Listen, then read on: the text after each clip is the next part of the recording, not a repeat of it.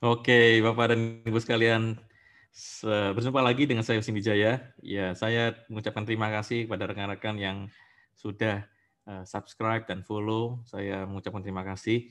Saya memang mengejar eh, channel ini agar menjadi channel yang berguna buat rekan-rekan semua, belajar bersama-sama untuk menikmati akan pelajaran-pelajaran yang tadi sebenarnya eh, susah payah didapat atau barangkali tidak tidak apa tidak bisa diakses oleh karena ada harganya. Ini sengaja saya berikan eh, gratis agar rekan-rekan bisa eh, melihatnya ya dan kemudian mencoba untuk nanti kemudian hari bisa mendalami. Oke. Okay? Eh, bagi rekan-rekan yang belum kenal saya, nama saya Husin Wijaya, saya digital strategy coach dari Warhol Interactive Agency. Anda bisa kontak saya di uh, alamat email ini ya husin.wijaya@warholagency.com dan saya ada blog juga ya uh, husinw.wordpress.com ya silakan saja jika Anda ingin mengaksesnya. Uh, dan saya juga ada di Spotify ya kalau Anda rekan-rekan ingin mendengarkan audionya saja suara saya akan bisa didengar di Spotify podcast dengan nama Husin Wijaya juga. Jadi rekan-rekan sekalian, terima kasih. Jadi hari ini saya akan membahas differentiation strategy. Kita tahu bahwa eh, di dalam dunia pemasaran, diferensiasi adalah salah satu alat yang paling utama di dalam eh, berhadapan dengan kompetisi. Ya, jadi ini ada kaitannya atau relasi dengan competition analysis yang barusan juga saya produksi ya dua minggu yang lalu. Dan seperti yang uh, saya juga kemukakan bahwa Eh, YouTube channel ini harus eh, berkembang. Oleh karena itu saya minta rekan-rekan untuk subscribe dan follow, tetapi juga sekaligus minta bantuan rekan-rekan untuk share gitu ya dan mudah-mudahan eh, banyak rekan-rekan yang lain yang bisa mengikutinya dan saya juga bisa menganjurkan rekan-rekan untuk jika anda ingin mengklaim sertifikat ya. Jadi setiap topik yang ada di dalam YouTube channel ini kalau Anda selesai pelajari Anda bisa klaim sertifikat ya dan saya akan memberikan sertifikat resmi ya eh, dan Anda bisa eh, eh, mengisi formulir di Bitly setelah tingkatkan ini. Oke. Jadi sekali lagi terima kasih rekan-rekan sekalian dan kita tahu bahwa diferensiasi itu hmm, adalah berhubungan erat dengan inovasi sebenarnya. Ya, jadi inovasi adalah diferensiasi yang levelnya paling tinggi lah. Jadi kalau rekan-rekan punya terobosan, ya punya kreativitas yang mampu ya eh, berujung pada inovasi, maka inovasi merupakan satu-satunya cara kita untuk berhadapan dengan raksasa. Ya, jadi ini ada kaitannya dengan tema saya sebelumnya yang itu berkaitan dengan how to beat a giant ya, bagaimana kita mengalahkan eh, seorang raksasa begitu. Eh, jadi inovasi bisa dikaitkan dengan eksplorasi eh, materi-materi atau produk atau jasa yang eh, barangkali pertama kali, begitu ya. Seperti yang dilakukan oleh misalnya Tesla gitu ya di dalam industri motor listrik atau kemudian misalnya Google di dalam navigasi misalnya atau kita tahu juga misalnya bagaimana Uber gitu ya menciptakan satu mekanisme ya mempertemukan antara dua pasar raksasa yaitu pengguna akomodasi transportasi dan dan bagaimana uh, pasar yang keduanya yaitu adalah transportasi itu sendiri. Sehingga ini sesuatu yang kita sebut dengan inovasi. Jadi rekan-rekan sekalian, jika kalau Anda berjuang untuk mendapatkan inovasi, saya ucapkan selamat. Anda uh, jika Anda menemukannya, Anda menjadi inovator dan tentunya Anda akan menjadi satu perusahaan yang diferensiasinya kuat sekali. Oke. Okay? Tetapi dalam eh, dalam perjalanan tentunya inovasi sangat sulit sekali, bukan menemukan sesuatu yang baru itu sangat sulit ya, butuh waktu yang nah, yang cukup lama. Eh, maka biasanya para pebisnis akan masuk ke level yang kedua ini yaitu product level. Jadi membuat level daripada produk. Jadi misal contoh uh, ada produk misalnya fashion yang sangat terkenal namanya misalnya Oscar de la Renta. Mahal sekali ya kan? Bajunya jasnya aja bisa dipakai ratusan juta. Tetapi ketika dia masuk ke pasar bawah ya kan dia menggunakan merek O misalnya. Nah itu adalah produk leveling. Misalnya juga iPhone gitu ya. iPhone ada kelas-kelas atasnya ya, Pro Max misalnya. Itu kelas atasnya, paling top begitu. Tetapi ada juga ya kan yang uh, pernah keluar itu seri 5S ya 6S jadi seri-seri yang sebenarnya harganya tidak tidak mahal. Nah, ini adalah kaitannya dengan product leveling. Ya, jadi product leveling itu digunakan sebagai strategi untuk uh, membidik pasar-pasar tertentu gitu ya. Nah, tentu ada plus minus. Jika Anda menetapkan harga premium, maka segmennya akan sangat kecil, tetapi influencernya luar biasa besar. Kalau Anda membidik pasar membidik pasar yang lebih rendah, pasar yang lebih rendah berarti harganya eh, rendah sehingga profit margin juga rendah, tetapi Anda bisa mass gitu ya, Anda bisa sangat luas pasarnya. Nah, ini sesuatu yang menarik juga sebenarnya. Jadi eh, kita kalau kita lihat dari level kompetisi maka eh, kebanyakan perusahaan lebih suka main di level atas sebenarnya, tetapi ada juga yang berkuasa sekali di level bawah gitu ya. Jadi merek-merek seperti Unilever misalnya Procter Gamble ya main di level bawah ya, mereka mereka main di bawah kebutuhan sehari-hari sehingga mereka mass market beneran begitu. Tetapi Apple misalnya Samsung mencoba untuk main-main di level menengah ke atas nih begitu ya. Jadi ini pilihan strategi untuk diferensiasi. Yang ketiga itu adalah price differentiation atau diferensiasi harga. Ini sebuah teori yang sangat menarik sekali ya. Jadi diskriminasi harga ini adalah bagian yang sangat penting. Ketika supply demand misalnya pincang, nah, diskriminasi harga muncul dah di situ ya. Supply misalnya banyak ya harga rendah dong, ya kan kalau demand tinggi ya harga tinggi. Jadi ini sesuatu yang menarik ya. Jadi eh, bagi rekan-rekan eh, misalnya contoh ya Anda menjual produk di Jakarta, tentu mahal gitu ya Kenapa? Karena daya belinya tinggi. Tetapi kalau Anda jualnya di daerah-daerah ya, kabupaten, kecamatan, Anda nggak bisa mahal-mahal begitu ya, karena daya belinya terbatas. Nah, sehingga ini eh, menyebabkan akhirnya kita harus menyadari bahwa satu produk itu tidak bisa cover everything, ya, tidak bisa cover pasarnya, sehingga harus dibuat berbagai macam produk dan akhirnya berujung kepada berbagai macam harga. Nah, sehingga kalau price differentiation ini bisa dilakukan, maka ini akan menjadi eh, satu alat untuk optimalisasi laba, gitu ya. Ini sesuatu yang penting. Dan yang keempat adalah branding. Nah, ini branding juga sesuatu yang sangat penting. Tetapi sayangnya banyak perusahaan yang eh, di Indonesia terutama eh, tidak terlalu senang dengan kata-kata branding oleh karena seakan-akan membuang uang. Ya, seakan-akan eh, apa kita itu berinvestasi kepada hal-hal yang sebenarnya masih uh, sukar untuk mendapatkan hasil. Padahal pilihannya cuma dua.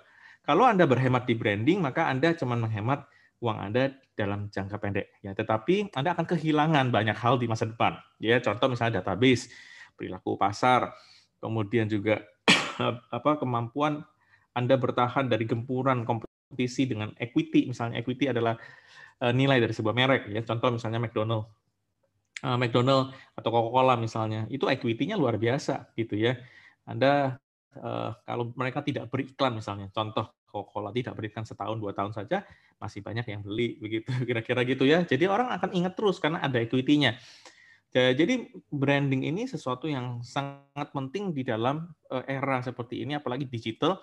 Ya di dalam digital marketing, branding ini menjadi senjata yang sangat mampu bergerak sebenarnya. Oleh karena Eh, dengan digital marketing kita bisa mengcover semua area targeted lagi ya bisa ditargetkan eh, segmennya juga bisa di apa dipilih. Sehingga ini sesuatu yang sangat-sangat mumpuni di era digital.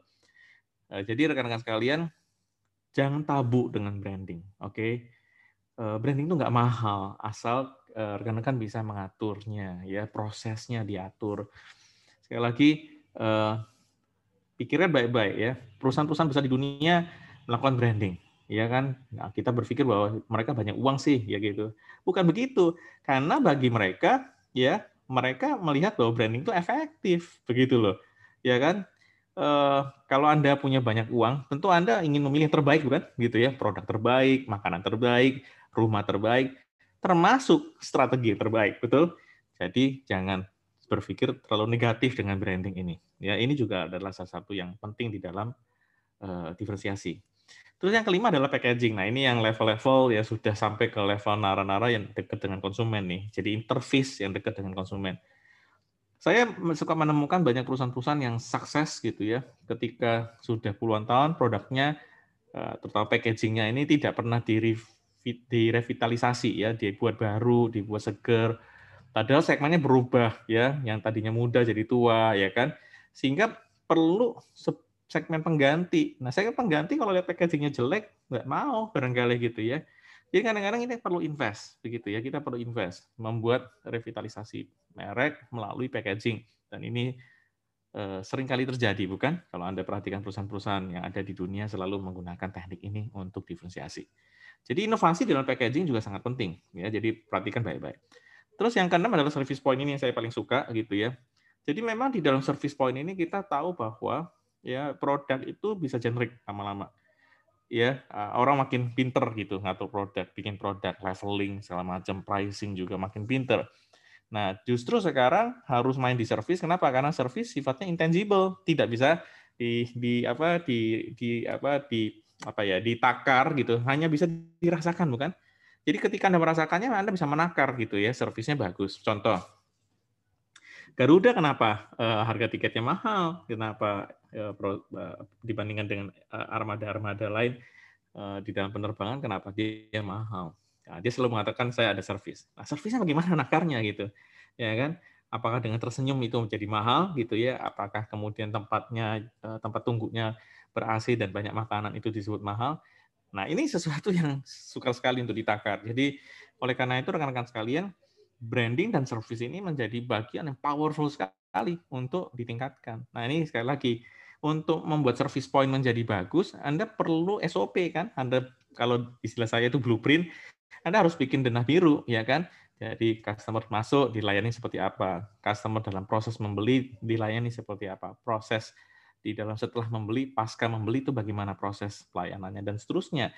Jadi ini adalah sesuatu yang penting sekali di dalam diferensiasi. Ingat hotel-hotel ya di dunia ya kan eh, berlomba-lomba memberikan premises ya tempat-tempat lokasi yang baik, tempat apa eh, tempat tidur yang nyaman dan seterusnya.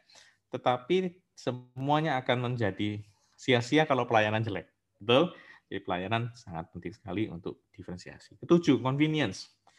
Nah, ini sesuatu yang lupa ya oleh banyak banyak perusahaan anda tidak boleh mengabaikan ini karena apa? Kenyamanan ini penting sekali. Ya, tentu ini bagian dari servis juga, tetapi saya sengaja keluarkan gitu ya. Saya bikin tersendiri oleh karena ini adalah kata kunci sebenarnya. Perhatikan digital strategi ya kan dari web ke app ke apps gitu ya.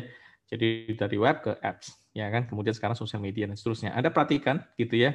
Makin ke sini dia makin simple, makin ke sini dia makin adaptif. Sehingga kenyamanan itu penting banget gitu ya. Makanya sekarang Anda perhatikan bahwa saya saja jangan sekali sekarang ke kalau tidak ada urusan yang penting.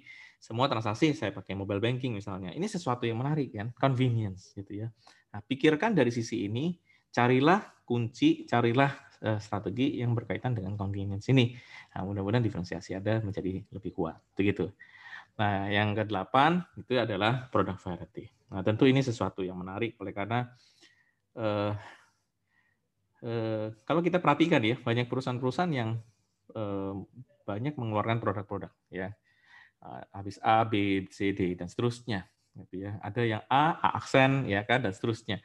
Jadi banyak sekali ya eh, produk-produk kadang-kadang dalam satu dua tahun tiga tahun lima tahun ya kan oh, tiba-tiba kategori produknya macam-macam di dalam kategori produk ada puluhan produk lagi Kenapa begitu? Karena ini sesuatu yang bersifat alamiah menurut saya. Oleh karena konsumen di dalam memilih produk tidak semata-mata hanya lihat satu dua elemen. Dia akan lihat yang lain-lain lain. Apalagi ada tren, apalagi ada kompetisi, apalagi ada new product launching dan macam-macam. Sehingga kompetisi itu membuat produk itu menjadi ya tidak relevan lagi. Nah, maka kemudian dikeluarkan varietas baru, ya keluarkan produk baru, produk baru, produk baru, kategori baru, kategori baru.